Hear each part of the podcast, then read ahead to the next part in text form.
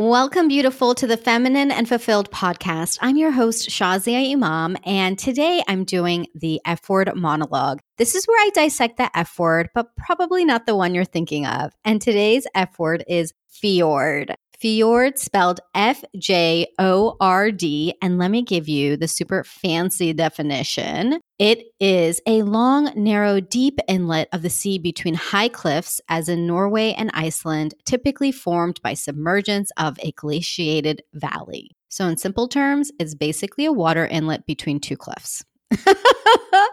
so, why did I pick this funny word, fjord, F J O R D, for our episode today? Well, I wanted to share a story today with you about water, and I needed an F word for it. And I didn't want to just use a typical one because the concept of water today is not necessarily just about flow, but I wanted to use fjord because I want to talk about the concept of water when it's constricted between spaces and then also expansive and the nature of constriction and expansion. So that's what today's episode is all about. And if you've been anybody who's heard this concept of things being or people being in constriction or expansion, then stay tuned because this episode is going super deep. So I have to start with a story. And I want to take you to this moment where my friend Zora and I, and if you've been following me, you can listen to my best friend's episode I did do with Zora. And we have many, many, many stories, but this particular one,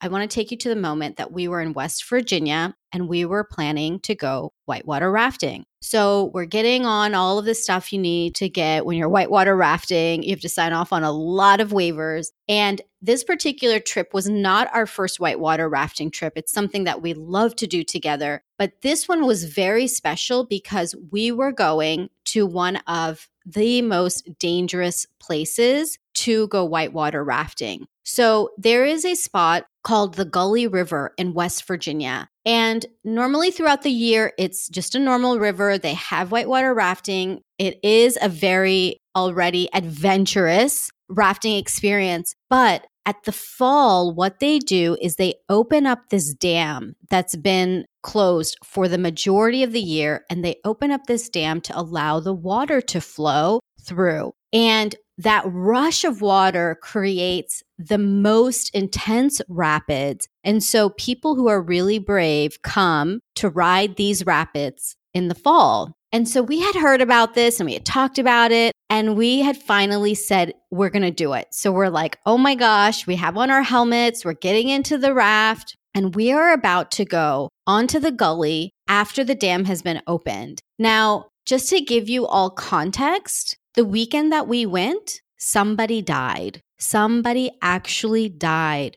rafting this same path that we were about to go on. And so I only say that because I want to paint this picture for you that this is intense. This is a lot of water. It's really intense. If you haven't been rafting before, it's a great experience, but do not start here.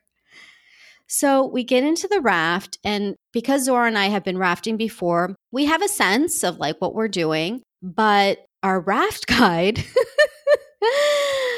has a broken leg. Okay. So he's in a cast and we're about to like get onto this river and we're like, oh my goodness. Like, so the guide is basically, let me tell you, you get onto this raft, okay? And you have six people that can sit on the raft. And then the guide actually sits in the back of the raft. And I want you to just imagine this like rubber raft, like it's nothing fancy. It's not some big boat. It's just literally a, it looks like a floaty that you would use in the pool, except bigger. So we all sit in the raft and then we pair off two by two. So pairs of two are sitting on the raft so that there's three people on one side, on the right side, three people on the left side, and then in the back is the guide. And the guide is the one who, like, basically kind of will steer and keeps an eye out on everybody in the boat. And then also has a sense of what's going on around and can see what's in the front, can look to the back if needed very easily. And then the two people in the front who choose to be the brave ones are the ones who will also be guiding. They're not the guides, but the, the front can definitely be dangerous. So we get in the raft. I can't actually remember where we sat.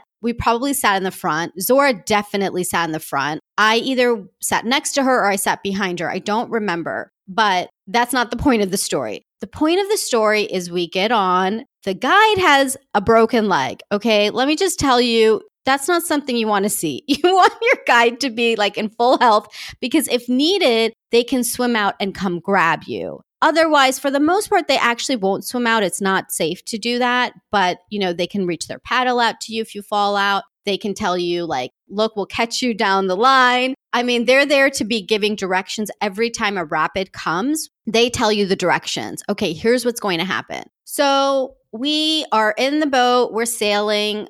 I don't know why I'm saying we're sailing in the boat because we're in a raft and we're floating. That's actually what's happening.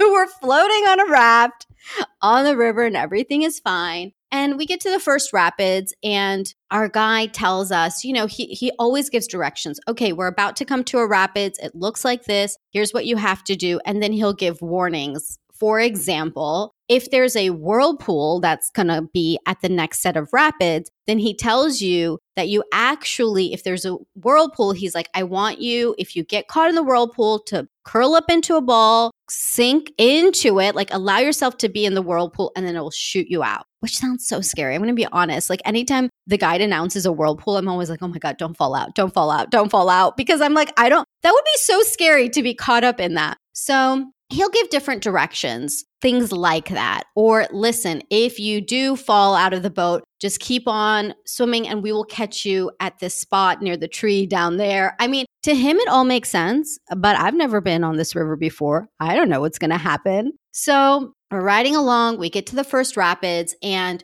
I want to tell you something about the rapids. The rapids are beautiful. They are just like as scary as I'm making it sound, the rush of the water when it's constricted is so beautiful. It's so beautiful. And it's also really scary. And it's also exhilarating. It's absolutely exhilarating. So, this is what I want you to start thinking about. When the water is constricting, how it is scary and also exhilarating and beautiful. And it doesn't last forever. So we're in the raft, we get to the rapids, the water starts rushing, and like you can hear it because the water suddenly goes from a really wide space and it goes into a really narrow space. And there's all these rocks. So the water, the same amount of water is still trying to flow through because water does not stop. Water will continue to flow wherever it needs to go.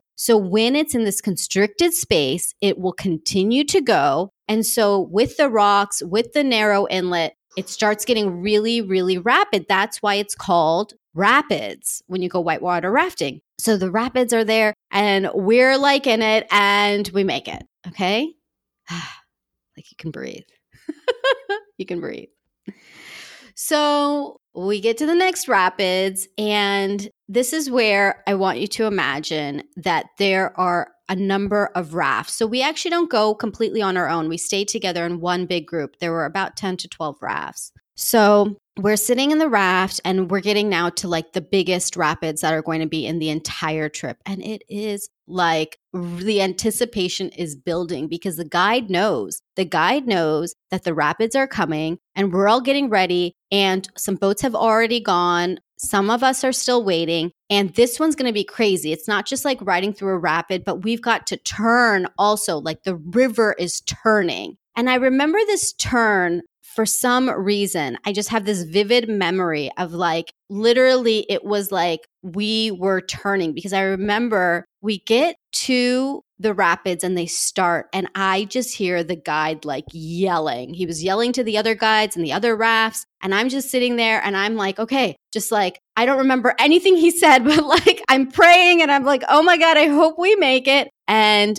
then, as per the usual, Zora falls out of the raft. Did I tell you this detail? Zora always falls out of the raft, okay?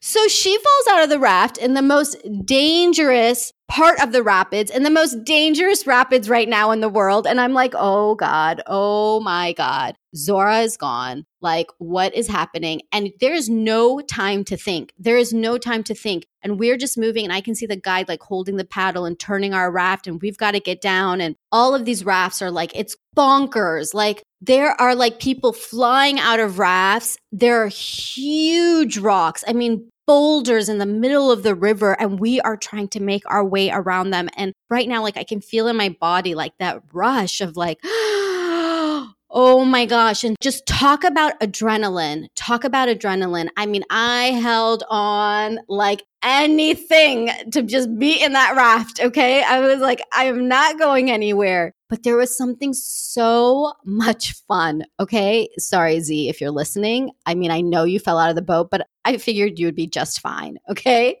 Even though part of me did think you might die. But it was so fun. And it was so beautiful. Like, even in that moment, I took in like a millisecond to look around at everything happening and see the beauty that was all around me. And this was the peak of constriction. This was the peak of that water being so fast, such a rapid, so rushed, so dangerous. You know, somebody else would be like, oh my God, that's so scary. And yet within that, it was so beautiful, so magnificent, majestic. It was something else. And here's the beautiful part about it is that that moment is something I look back at with sheer delight and sheer joy. Yes, it was scary. It was. Okay. I painted the picture for you guys. And oh my God, it was so fun. And as we made it through and we looked at each other, because the rest of us made it through, we looked at each other and we see Zora floating along. we got her. we pulled her back out onto the boat. and that feeling to say we made it was priceless. And what is further beautiful is that as we're looking at each other, as I'm looking back at what we just scaled, literally, like we did that, I'm looking ahead and the water has gone from being so constricted to completely in expansion. So we've ended up in a place where the river has gotten wide again, the water has space again, and the water is completely still, like glass. You could see the reflection of the trees on that beautiful fall day the reds, the yellows, the oranges, the greens, reflecting their leaves on the river. And it was beautiful. And in this moment, I remember looking around and saying, This is beautiful. There really aren't words to describe that sense of stillness, but nature just shows it. And it wasn't that it took a long time to get there. We had just moments before been in those rapids. We had just moments before been in that constriction. And now in this expansiveness, it was quiet, it was peaceful. The water completely changing its form.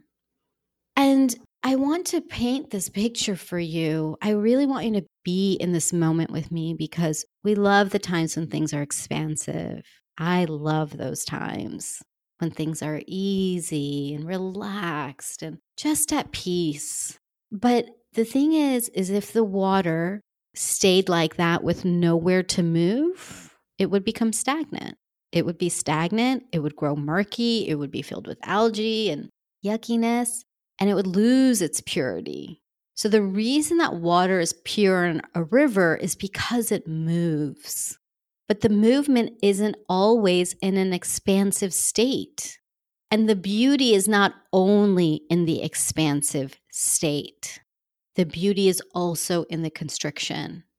And so constriction can feel very difficult. It can feel very squeezed tight. It can feel very much like everything is chaos and where can I get my footing and how am I going to get through this? And it can feel like you're going to die, even. It can literally feel like that. I know for me, constriction can feel like, oh, I just want this to end. I don't like it. But what if you saw the beauty in constriction? What if you knew that there was a reason that the constriction was happening? Because that's just where things had to flow in the moment. What if it wasn't about constriction being bad and expansion being good, but that each quality had its purpose?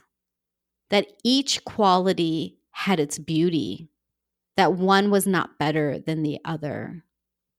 And this episode today was actually inspired by one of my beautiful clients because she had had a story for a long time about the loss that she had had in her life with two people she loved so dearly, so dearly that when they passed away, the story was that that was just something bad and hard. And that constriction was one that felt as though it would never end. And what we talked about that day, it came from this place. I shared this exact story with her. And this story I was reminded of from a divine place. Because for Muslims, we have attributes for Allah, for our Creator. And these attributes are just to describe the many aspects of the divine. It's really beautiful. When I think of the word God, it doesn't even encompass everything. But two of the words, two of the attributes that have been given or that we've been taught are al qabid and al basid. Al qabid meaning the constrictor, and al basid meaning the expander. And so, this quality of the divine being the constrictor and the expander, we know that there is a divine quality to both. Otherwise, we would be taught on a spiritual level that everything is just expansive all the time. But that's not. We can look to so many things in nature, so many things in our spirituality that talk about expansion and constriction. But I want to move away from feeling like everything is always a test. I know that growing up, it was about have patience during a test, during a trial that you're in. And why? Everything isn't just about being patient through suffering. I don't believe that that's what the divine has planned for us to just suffer. It's that there's a purpose. And when we talk about things happening for you and not to you, things happening for the best, this is exactly what happens in a constriction as well. This is what happens when you are in a constricted space. It's not that the world is going to close in on you no matter how much it feels like it. It's not to punish you. It's not because you're a bad person and that's what you deserve, or it's not because you ha- just have to go through it and just like deal with it. It's also there to share something with you. It's also there to sometimes just clear things out. It's there sometimes to get you to be in a different state. You know, going back to the water, if the water didn't go through those rapids in that particular water system, what would happen? And the water figured out a way to get through. And the water came to this expansive place. And there's beauty in both. So, with my client, we talked about that. We talked about what's the beauty of what happened in her life. And she was able to share beautiful things. She's been able to. And she was able to see that she doesn't have to hold on to a story that it's just something bad, it's just something hard, but that there's beauty in it too. And what would it be like for you, beautiful, to hear me when I say to you that your constriction, there's something beautiful? That those elements of not just fear, not just sadness, not just hardship, but exhilaration and majesty, and maybe even fun. I know that sounds crazy, but maybe even fun. What would it be like to tap into that in your current state if you're constricted? Perspective changes everything.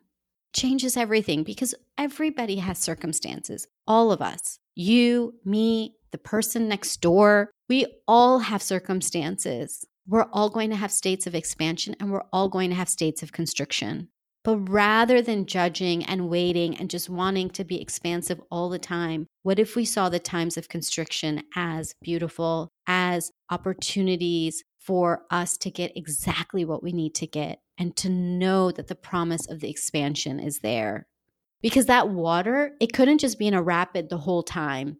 There's no place where it's just a rapid, ongoing and ongoing and ongoing. Again, nature is always a metaphor for our life, it's always sending us examples. So when you're thinking about the rapids, they don't last forever. There's no place that they're just ongoing and ongoing and ongoing. They always find a way to the expansive place. So even if you are in a place that feels like it's never going to end, then know that it will, and you will find the expansiveness, and you can find the expansion now. It doesn't even have to be something to wait on. What if we didn't look at life circumstances as being expansive or constrictive? What if we actually looked at our own perspective making something expansive or constrictive?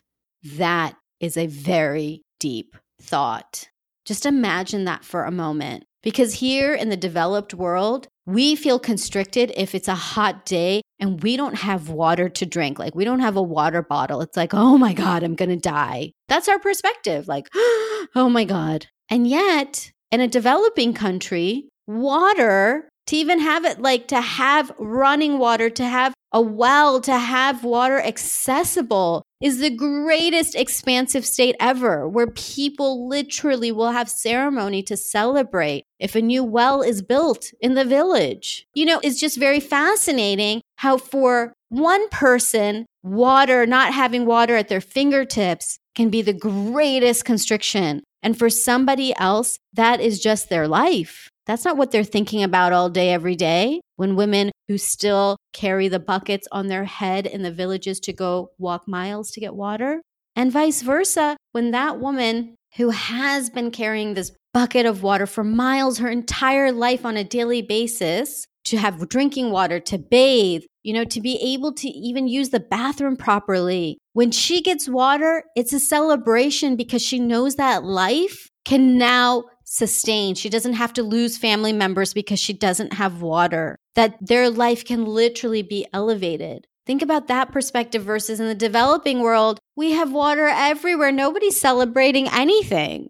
So, even water in that perspective, I didn't even mean to talk about this today, beautiful. This is how deep we're going. Even water, from the perspective of drinking water, can be a state of expansion or constriction in very different ways for different people. So, perspective is truly everything. Expansiveness and constriction is also what we believe it to be. And what if we didn't believe that some circumstance was the thing that was going to tighten us to death? Constriction is not meant to be like a boa constrictor, where its sole purpose is to constrict you until death. That is not the nature of what the divine wants for us. Constriction is just about where nature needs to go to then be an expansion and then a constriction and so on and so forth. And that is the human life as well. There will be times where we will feel expansive and joyful and happy and all the good things. And there will be times where we don't feel like that and we'll feel sad and angry and crying. And that's a good thing too. And in fact, you can find joy in those times of constriction. You can find the laughter. You can find all of the things. It's really about your perspective. So there's so many beautiful lessons to garner from today's episode. And I really wanted to highlight water in today's episode in this way to show the element of expansion and constriction and to really impart to you the beauty that exists in both. And also now that our perspective really allows us to determine whether something is expansive or constrictive. This is a brand new way of thinking about things. This is a brand new way of not having to be a reaction to our circumstances. Because what if instead of trying to be in the raft. Oh gosh, here's a metaphor. What if instead of trying to be in the raft holding on tight, like I was doing just to survive while also enjoying the rapid, but what if instead of trying to hold on so tight and trying to just stay afloat, you allowed yourself to flow? What if you were like the water that just knew that it would keep going, that even it as you were becoming tighter and more rushed and in this new form, that you allowed yourself to flow because the water did not get hurt in that process at all. The water was just fine. And the water didn't say, I don't like being in the rapids or I like being in this expansive place. The water just is.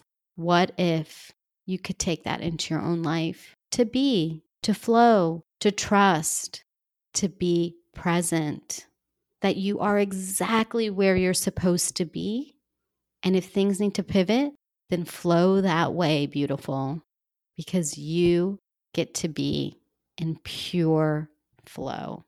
Until next time, Lilas, love you like a sister.